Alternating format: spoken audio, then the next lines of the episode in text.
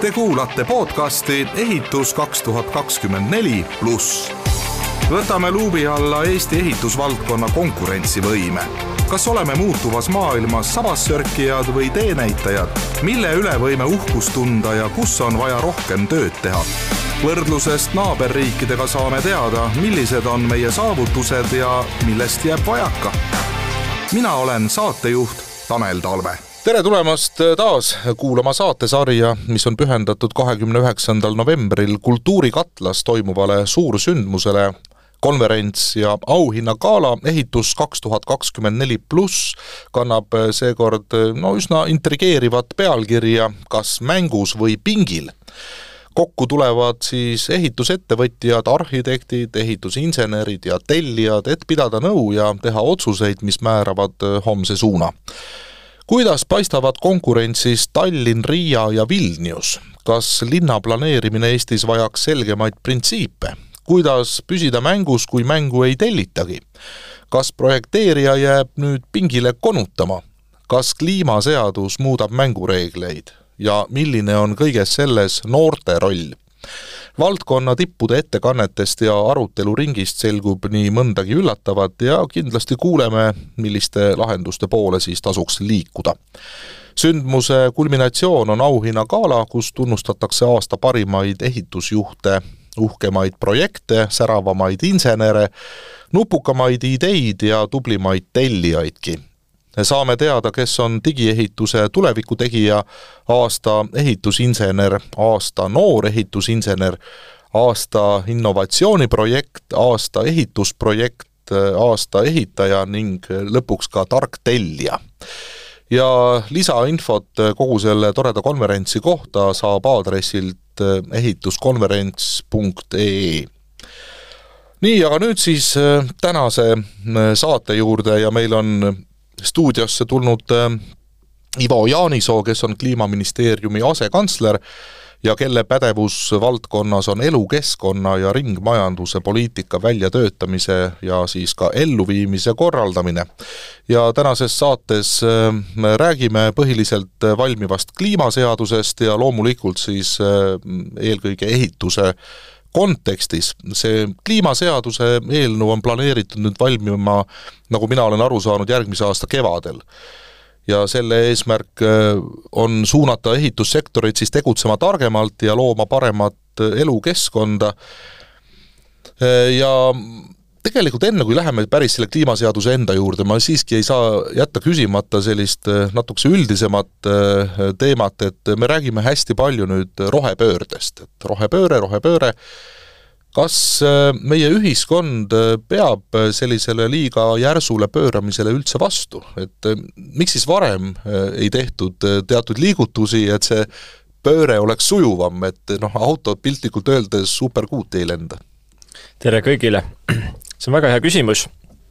Äh, ma äh, laiendaks selle küsimuse sinnamaani, et äh, mis asi see rohepööre on, et kas see rohepööre on mingisugune riigi poolt esile kutsutud asi või on see miski, mis meid ümbritseb? ja on, on ise siis tulnud meile, et me ei küsi enam kas, vaid me peaksime küsima, kuidas seda nii-öelda rohepööret või rohereformi lahendada. Noh, mida ausalt öeldes ma jätaks isegi sellele küsimusele vastamata, et äh, mis pidi see on, aga äh, kui me vaatame seda ehituse kontekstis, siis ehitusel kahtlemata on olemas vastused sellele küsimusele, kuidas see rohepööre ellu viia. ja, ja noh, rohepööre või, või ütleme, see olukord, kus me oleme nii majanduse kui, kui keskkonna vaatest kui ka ühiskonna vaatest, noh, mul vähemalt on selline taju, et me oleme mingisuguse murrangu lävel et eh, noh, selge on see, et eh, ressursid muutuvad järjest eh, kallimaks, keerulisemaks, noh, kõik need kriiside ajad tuletasid meile meelde,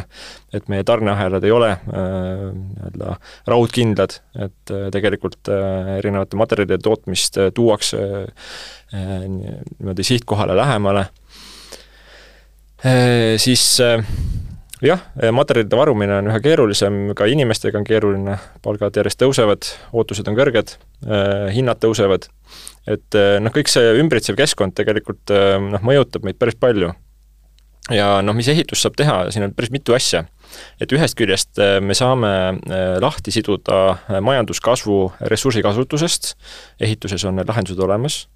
see on see nii-öelda rohepöörde üks põhilisi eesmärke, et meil selleks, et meie elujärg paraneks, selleks ei ole vaja nii palju noh, uusi maavarasid kaevandada või nii palju ressursse kulutada, noh ka energeetilises äh, võtmes näiteks. teiseks äh, noh, me peame üha rohkem äh, austama oma elurikkust, rohelust, seda keskkonda, seda loodust ümber meie, mis kipub siin noh, järjest tormilisemalt ennast näitama ja, ja lõpuks selle kõige juures olgu see rohepööre meie ellu kutsutud või olgu see mingisugune laiem fenomen, me peame tagama selle, et ükskõik, mida me teeme, sellel oleks inimestele positiivne mõju. et inimeste elujärg paraneks ja, ja paraneks äh, kiiremas tempos kui varem ma väga loodan ka, et me igasuguste pööretega ei lähe liiga hulluks ka, et äh, noh, tõesti, see asi hüperkuuti ei, ei lenda. Ja noh, loomulikult ka pöörete puhul on Äh, teatav ühiskondlik noh, ütleme selline vastuseis alati olemas, et, et see ju mõjutab ikkagi väga paljusid inimesi reaalselt ja ja, ja nendele selgituste andmine ja põhjendamine, miks mida on vaja teha, on, on teinekord keeruline, eriti mis puudutab selliseid pikaajalisi protsesse nagu kliimamuutused, mida me võib-olla kohe ei taju, aga noh, mida jah, peab siis selgitama, nii et noh, ütleme nii, et me ei kadesta teie positsiooni, teil on väga suur äh, töö, äh, ma arvan, et tehtud ja ees, ees ka veel, aga läheme korraks nüüd selle kliimaseaduse juurde siis, et äh, küsin sellist asja, et me oleme siin ka õiguskantsleri tasandil tihti tähelepanu pööranud sellele, et meil on justkui liiga palju õigusloomet, et me teeme mõttetult palju seaduseid, et kas kliimaseadus on nüüd üks vajalik asi või, või, või taaskord üks selline liigne, liigne toodang? no mis asjad need seadused on, need on ju äh, meie rahva kokkulepped, noh, mingit moodi käituda. Ja noh, see, et kas neid saab olla liiga palju, ma ei oska öelda, äh, õiguskantsler on loomulikult targem selles, selles küsimuses. noh, võib-olla kriitika puudutab just seda, et kui me lähme midagi väga, väga detailselt reguleerima ja üle reguleerima, eks. aga ma arvan, et sellised üld üldised põhimõtted, noh näiteks just selles, et kuidas me nüüd selle suure eh, kliimamuutuste väljakutsega eh, edasi läheme, see võiks absoluutselt seaduses kirjas olla. See võiks olla selline noh, kindel asi, mis on aastateks meil seadusesse kirja pandud, et ettevõtted saaksid tegutseda, investeerida, teha pikki strateegiaid, inimesed saaksid oma just elujärje puhul ka arvestada oma, noh, oma käitumise puhul, et näed, et need ongi riigi kokkulepped et olgu see mõjutatud äh, või mõjuta, mõjutagu see siis energeetika valdkonda, transpordi valdkonda, hoonete valdkonda, äh, ükskõik. et äh, mina igatahes pooldan seda ja ausalt öeldes seda nüüd näitas ka hiljutine Riigikohtu otsus nii-öelda õlitehase puhul, et kus noh, põhimõtteliselt järeldus oligi see, et et mis siis, et äh, seda seadust ei ole, ikkagi me oleme rahvusvahelistes kokkulepetes, äh, kus äh, tuleb siis selle kliimaprobleemiga tegeleda ja noh, igasugust saastavat tööstust paraku täna pikaks ajaks püsti panna ei saa. ja nüüd see, et kuidas seda teha, et kui kauaks ikkagi see tööstus võib meil äh, siin Eesti pinnal olla see peaks tulenema otse seadusest ja see on üks põhjus, miks me seda kliimaseadust teeme, et mängureeglid oleksid paigas. nii et ma saan siis aru, et pigem on isegi asja mõte see, et mitte noh, nii-öelda sundida ehitusettevõtjaid mingit asja tegema läbi seaduste, vaid et pigem neil endil oleks kindlustunne, mida riik äh, teeb pikemas perspektiivis, et noh, muidu võib ju küsida, et kas siis need ehitusettevõtted ja teised, kes selles ehituse valdkonnas äh, väga paljud ju erinevad osapooled, et kas nad pole siiamaani siis targalt käitunud, nagu seal seaduse väljatöötamiskavatsuses on, eks ole, ja ja, ja nad ei ole siis parema elukeskkonna nimel ise ilma seadusteta targemini hakanud käituma et ma loodan, et see innovatsioon ja, ja, ja targemini käitumine ja, ja kõik on ka ilma seaduseta, ilma kliimaseaduseta juba vaikselt hakanud tööle või kuidas te ise näete seda, mis meil selles sektoris toimub? loomulikult, noh, meil on ju palju head praktikat ehitusvaldkonnas, et noh, minu jaoks küsimus ongi selles, et noh, nagu Peter Drucker on öelnud, siis mida sa ei mõõda, seda sa ei saa ka väga hästi juhtida. Ja noh, kliimaseadus tegelikult peaks pakkuma välja just need noh, kriteeriumid, mille vastu ennast võrrelda et äh, see annab, äh, annabki noh, nendele ettevõtetele kindlust juurde, kes juba on äh, noh, heast praktikast lähtunud ja nendele teistele, kes tahavad järeleaitamist, siis nemad näevad, et kuhu nad pürgima peaksid. ja no ehituses nagu ka teistes valdkondades, nagu ka mujal ettevõtluses, see surve lähtuda kliimaeesmärkidest on juba päris mitmekülgne. et rahastajad jälgivad seda, samamoodi kliendid ja noh, laiem ühiskond ka ma väga loodan, et te olete seda kliimaseadust valmistamas koos äh, asjasse puutuvate partneritega siis sellest valdkonnast, et kui tihe see koostöö on olnud ja kas te päriselt ka kuulate neid, et siin on siit ja sealt aeg-ajalt tulnud ikka neid signaale, et noh, kuulatakse ära, võetakse kokku, tehakse linnuke kuskile kasti ära, et on kaasatud, aga tegelikult noh, nende hääd nõu ja kogemuste praktikat äh, noh, ei võeta kuulda ja veel vähem siis jõuab see siis seadusesse endasse, et kas seekord on ikkagi paremini asjad? kliimaministeerium on uues koosseisus mõned kuud tegutsenud, et eh, noh, loomulikult me kaasame sektorit ja oleme seda teinud, noh, teinud ka varasemas elus. Eh, nüüd eh, kliimaseaduse protsess noh, alanud on noh, tegelikult just nüüd, et eile oli esimene töörühma kohtumine, kus, mis oli tutvustav kohtumine kõikidele äh, sektorite osalistele, kes vähegi huvitatud sellest on. ja sisulised tööd jätkuvad nüüd järgnevate kuude jooksul, äh, järgmine töörühm no näiteks ruumi- ja hoonete valdkonnas äh, leiab aset detsembris. et kõik, kes soovivad, saavad tulla, saavad kaasa rääkida, loomulikult nende arvamustega või ettepanekutega arvestatakse, kui need on igati põhjendatud. ja mida ma veel juurde tahan öelda, et äh, jah, see tempo on kiire, praegu on noh, ütleme selline poliitiline ootus on, et, et see seaduseelnõu tõesti saaks valmis juba järgmisel kevadel, noh, mis on kiire tempo. ja noh, see tähendab lihtsalt, et see noh, kuidas öelda see tähendab selline... seda, et teil puuduvad mõjuanalüüsid ja kõik noh, see, mis kuidagi viimasel ajal kipub olema selle kiirustamisega seoses, mis seadusandlust puudutab? ja need on tegelikult olemas, et äh, meil äh, kliimamõjude inventuuri tehakse regulaarselt, äh, me teame suhteliselt hästi, et millised on erinevate valdkondade äh, Äh, kliimamõjud, äh, me teame ka erinevate sektorite kaupa äh, nii nende mõju kui ka nüüd nende erinevaid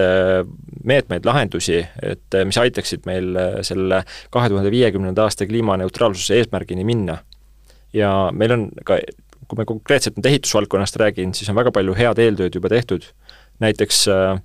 pool aastat tagasi valmis Rohetiigri koostatud ehituse teekaart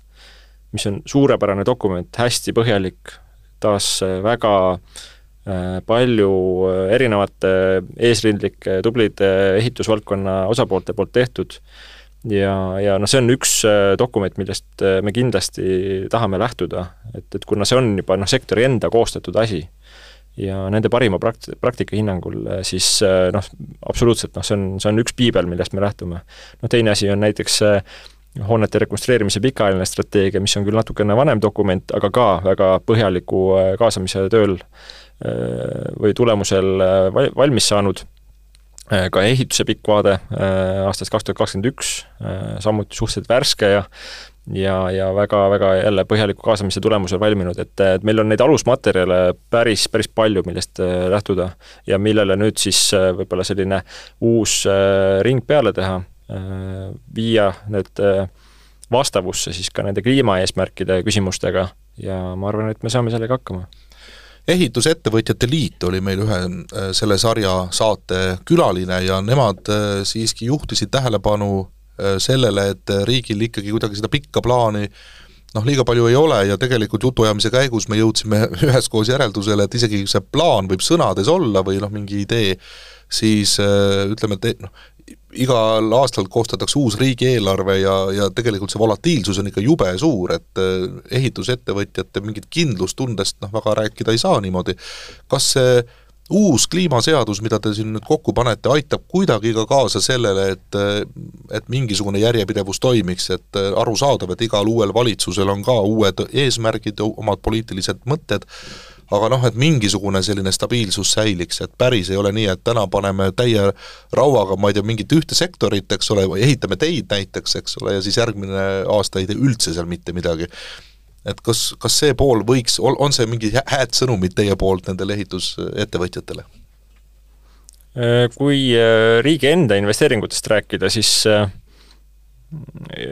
jah, noh näiteks ehituse pikavaate dokumendis me leppisime kokku, et et riik peaks edaspidi lähtuma kontratsüklilisest praktikast, mis tähendab seda, et kui majanduses on keerulisemad ajad, kui erasektor ei investeeri, siis investeerib riik. noh, ma arvan, et et kuulaja oskab need otsad kokku viia, et, et kui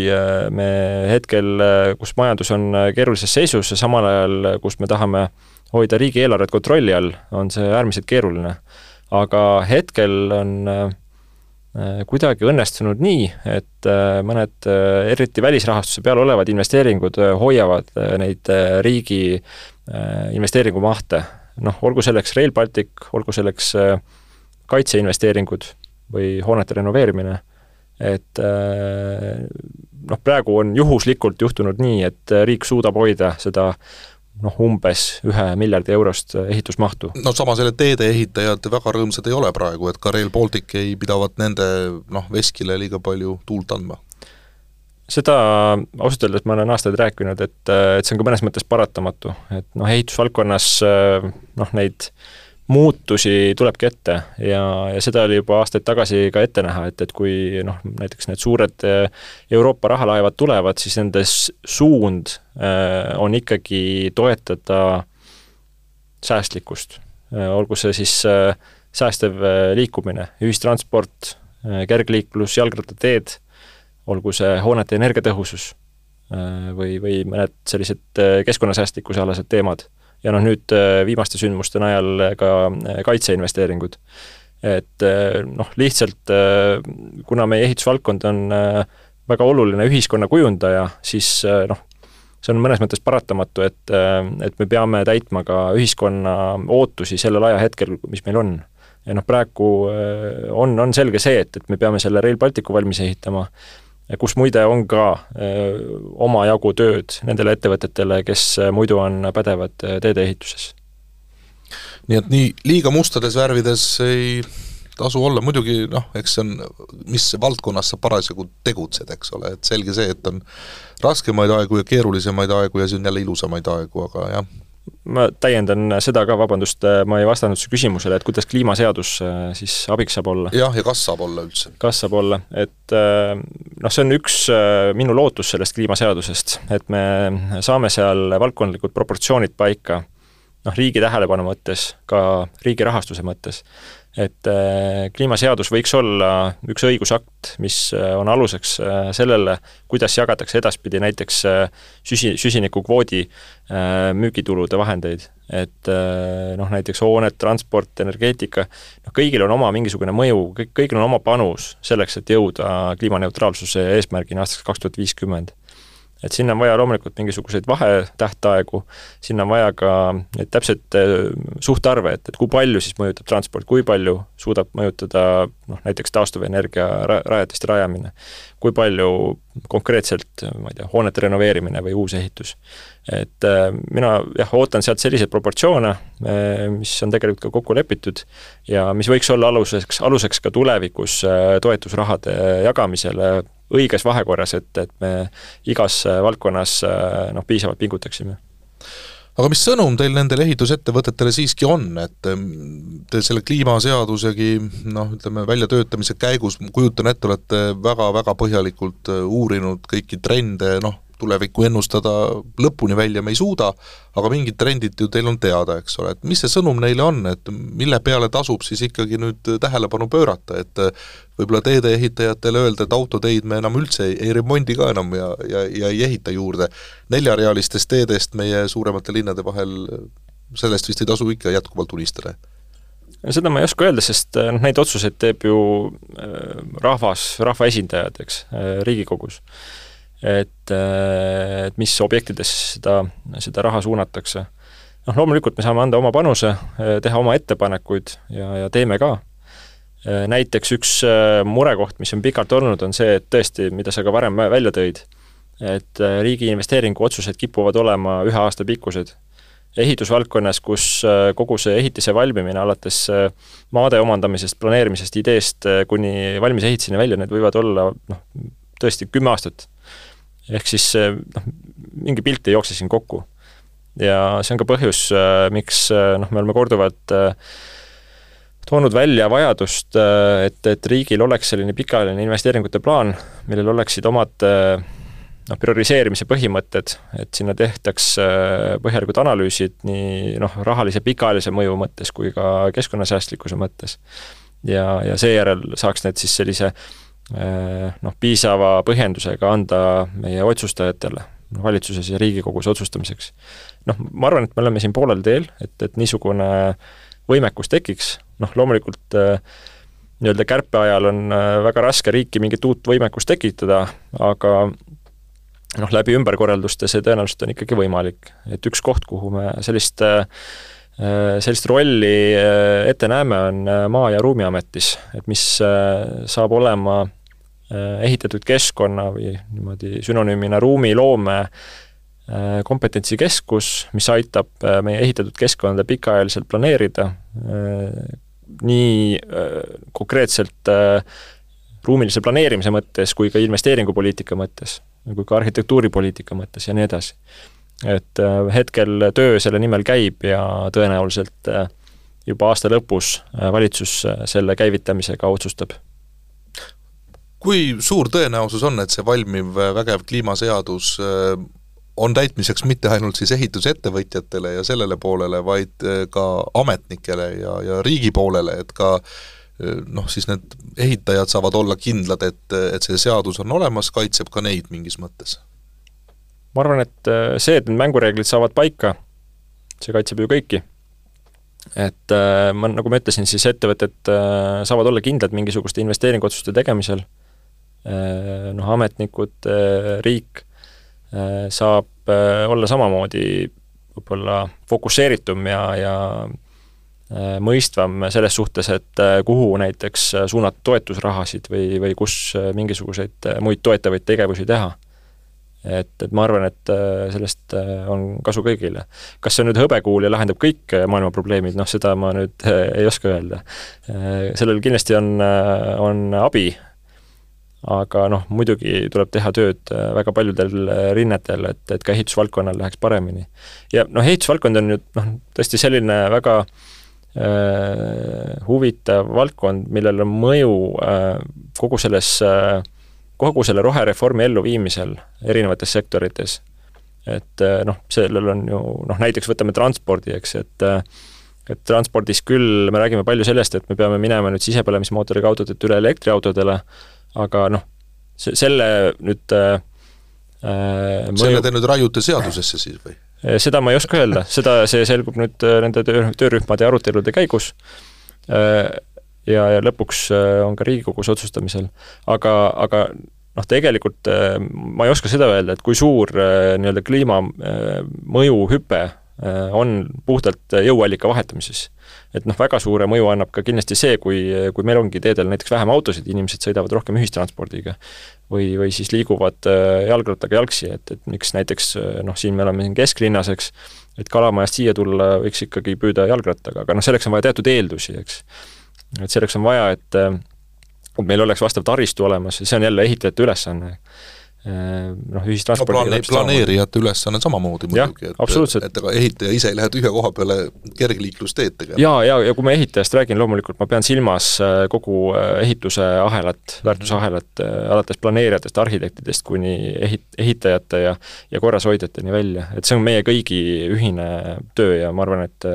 me peame siin olema sellise õlatunnetusega ja, ja, ja koos ühtse sektoriga toimetama, et, et siis, siis on ka meil äh, siis meid kuulatakse rohkem, ma ütleks, et äh, meil on äh, lihtsam ka noh, nii-öelda riigi esindajatega rääkida, et, et näed, et äh, mingid tegevused on väga vajalikud, nagu näiteks seesama pikaajaline investeeringute planeerimine.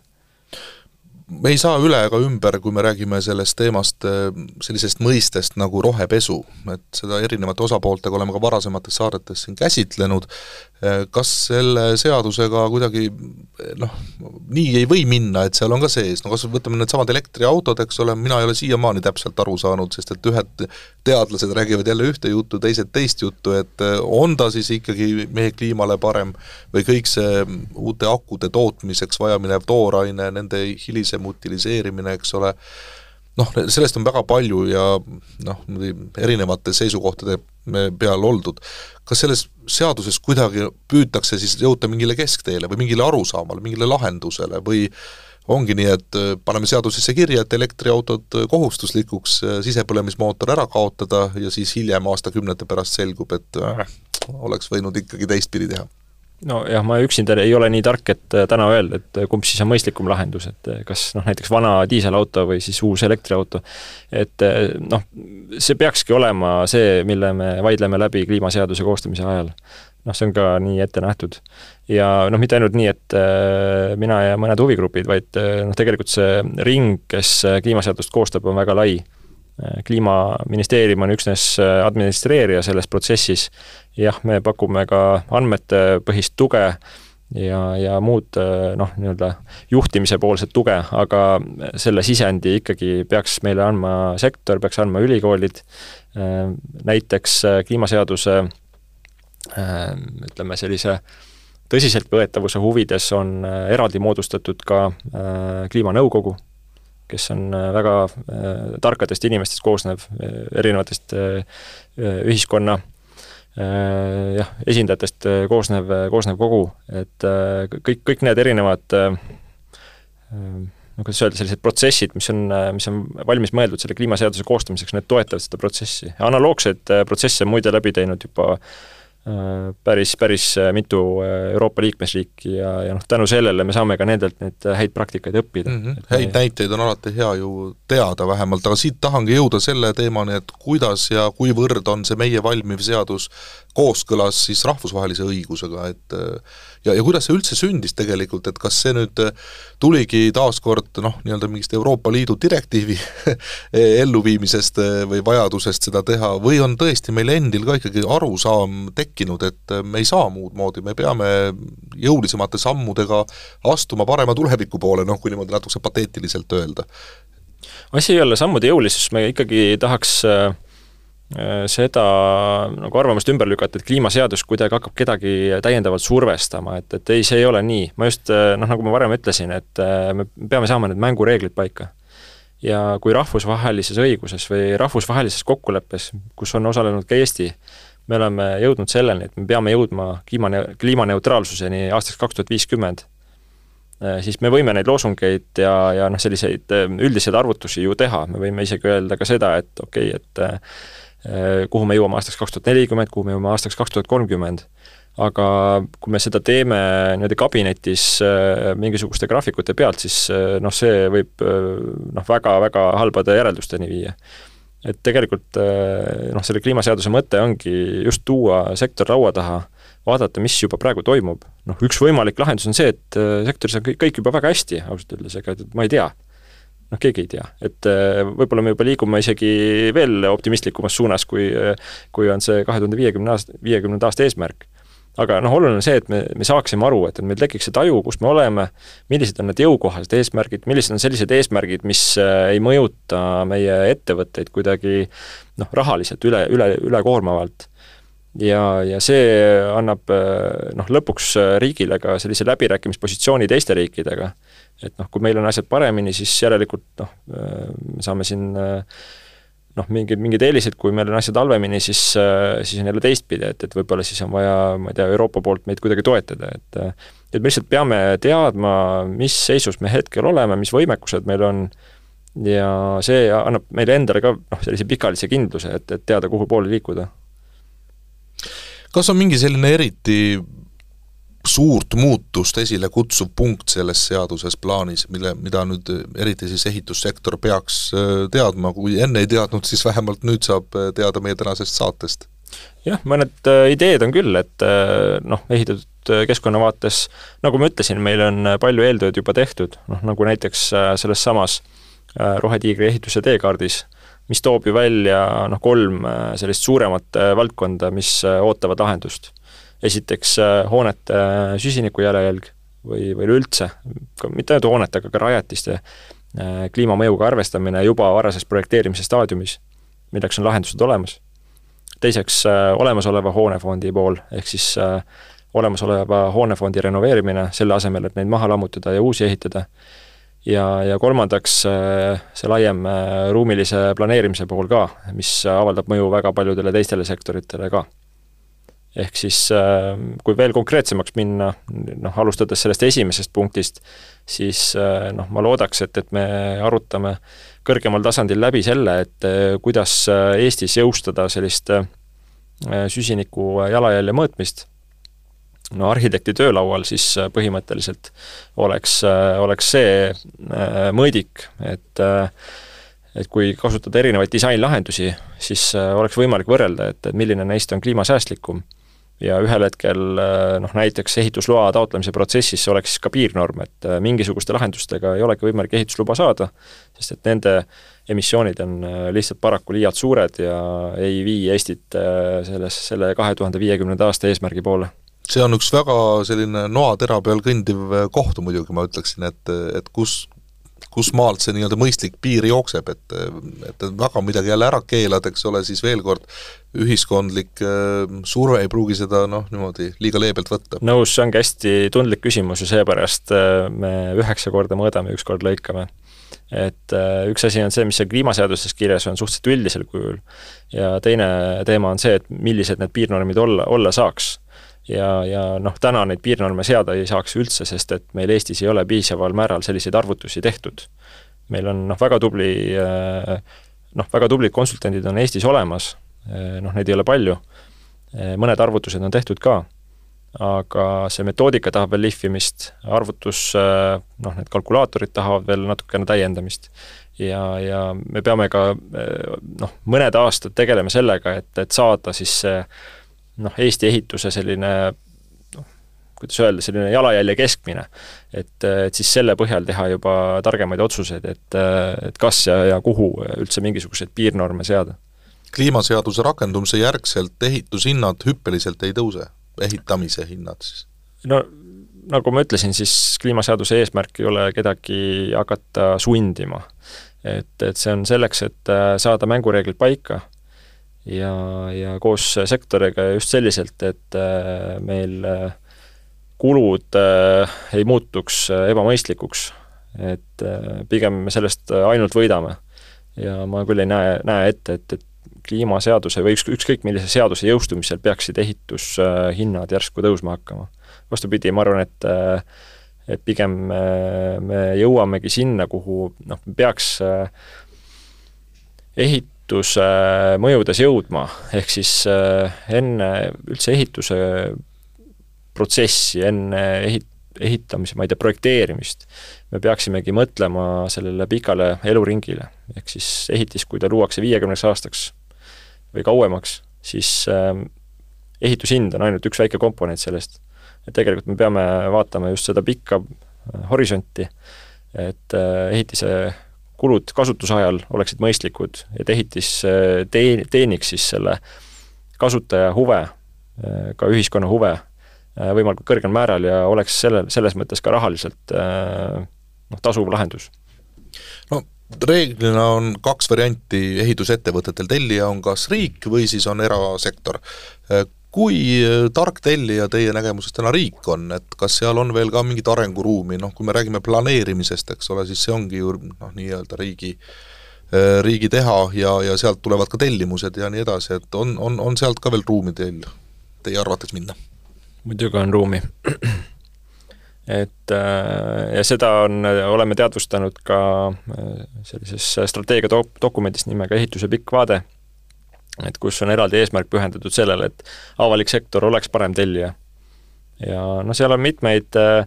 äh, konkreetseid tegevusi ka, mida teha, et avalik sektor oleks parem tellija.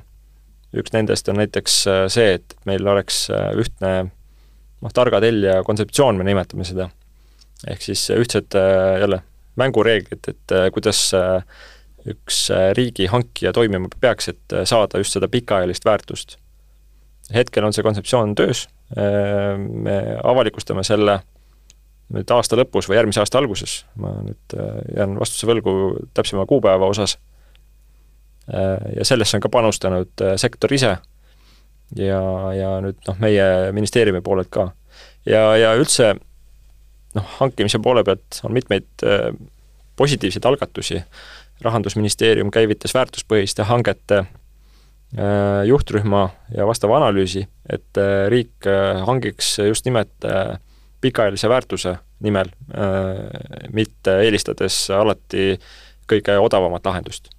ma saan aru, et siis tulevad ikkagi muudatused ka näiteks hankeseadustes ja, ja, ja sellistesse kohtadesse, et ega tihti on ju ka nii, et ega seal hankes on omad reeglid ette nähtud ja noh, nii on, et võta või jäta. Jah, aga kes neid reegleid seab, et äh, jah, okei okay,, seadus, seaduses on need baasreeglid paigas, aga tegelikult seadus on äh, vähemalt hangete poole pealt äh, suhteliselt äh, paindlik, et äh, me oleme ühes äh,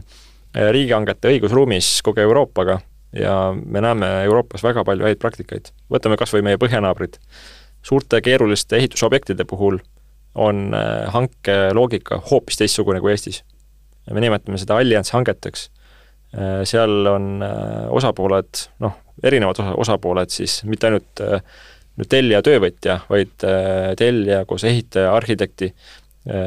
ka alltöövõtjatega ühes äh, lepingus äh, ja ühes lühikeses lepingus, kus kinnitatakse, et see on meie kõigi ühine projekt, meie äh,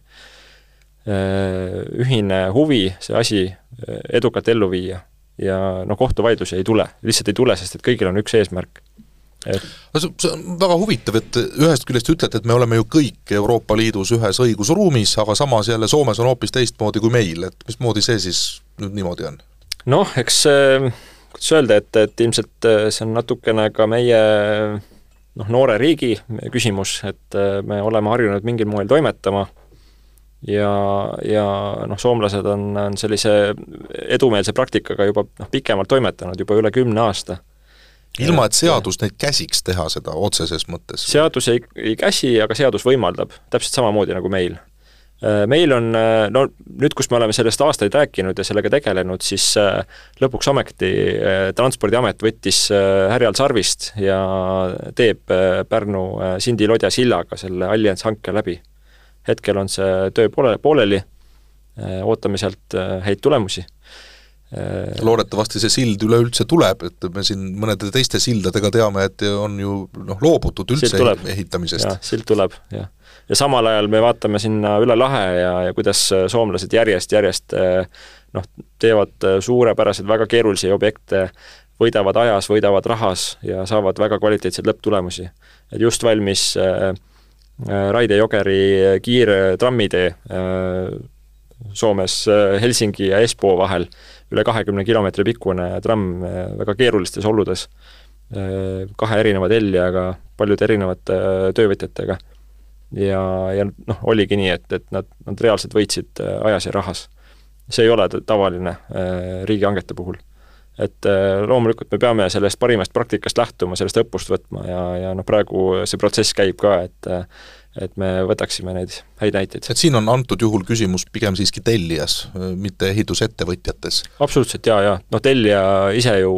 jah, paneb, paneb selle koostöö paika või selle äh, noh, iga ehitusplatsi kultuuri kui sellise paneb paika äh, läbi oma tingimuste, läbi oma äh, suhtumise, ma ütleks, et tingimused kõlavad nagu mingisugused äh, sätted, mis on lepingus kirjas. aga oluline on just selline hea koostöö, et, et noh, tellija päriselt ka tahab, tahab ju parimat asja oma, oma hoone kasutajatele. lõpetuseks saade hakkab otsa saama meil vaikselt, aga ma tahaksin nii palju veel ära küsida, et kui me rääkisime siin arhitektidega ja, ja selliste äh, ülikoolide esindajatega, kes siis uusi äh, tarku inimesi koolitavad meil, äh, ka ehitusvaldkonnale tähtsaid inimesi, äh, siis me jõudsime jälle sellisele huvitavale tulemusele, et nad proovivad, et arhitekt näiteks ei oleks ainult noh, nii-öelda selline konkreetse mingisuguse hoone joonistaja, eks ole, vaid et ta püüab omalt poolt ka anda kõik selleks, et tellijat targemaks teha et rääkida talle sellisest säästlikumast eluviisist, üldse mõtteviisist, et ei pea olema see noh, gigantne võib-olla hoone, mida unistustes tahetakse, et tänapäeval on ka nutikaid ja väga ägedaid lahendusi palju ressursisõbralikumate lahenduste poole liikudes. et kuidas teie oma ministeeriumi sealt mätta otsast näete, et kas sellist noh, ütleme, koolitamise, harimise poolt, mis, et ühiskonnas üldse tekiks rohkem sellist noh, poolthoidu sellisele mõtteviisile, et kas te selle jaoks ka rahalisi ressursse eraldate, mitte ainult sõnades ei räägi, noh, mõnedes intervjuudes?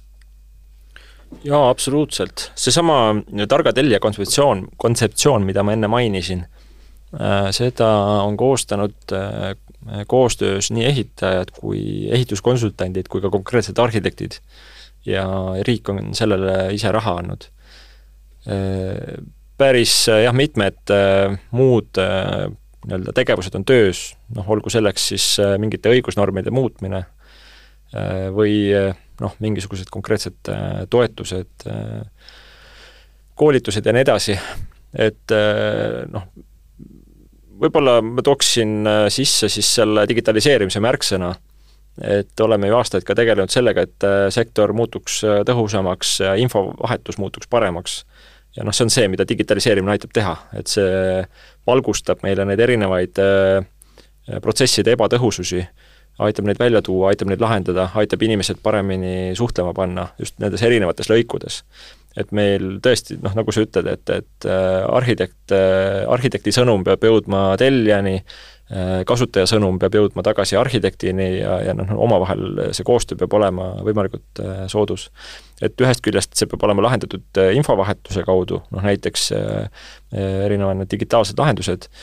kui ka noh, sellise elementaarse koostöö Äh, mõttes, nagu näiteks jällegi see varem nimetatud äh, allianss hangete loogika, kus ollaksegi